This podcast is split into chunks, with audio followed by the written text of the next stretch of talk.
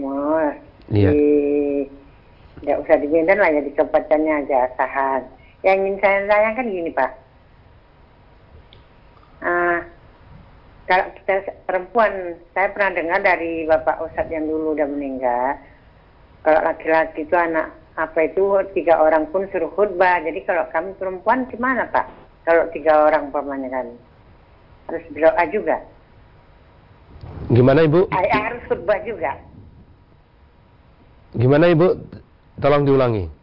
Nah, kalau kami perempuan, kalau sholat Jumat harus kita punya tiga orang, kita ber, berma, berapa berjamaah lah. Kami harus harus berkhutbah juga gitu. Oh, gitu. Makasih ya Pak. Iya, baik. Assalamualaikum. Waalaikumsalam warahmatullahi wabarakatuh. Oke, silakan Ustaz. Baik, uh, terima kasih. Mungkin anu ya, tadi kan berarti disampaikan bahwa Ustaz uh, almarhum ya. Dan kita sampai sekarang dari Ustaz Nurhal juga sama bahwa untuk uh, Jumat bagi putri itu juga tetap melaksanakan.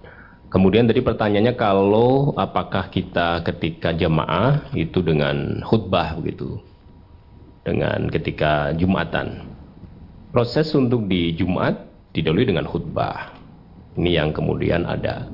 Sehingga kalau berjamaah, kemudian apalagi di sana bisa uh, ada, kan kita berjamaah itu ketika di rumah itu tiga orang misalnya ibu dan dua orang putrinya misalnya ya itu bisa saja kita dengan uh, khutbah dulu menyampaikan eh, peringatan-peringatan uh, tentang uh, ketakwaan kepada Allah.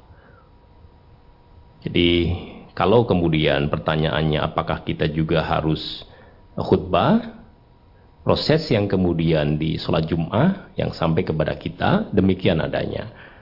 Nah khutbah kemudian baru sholat.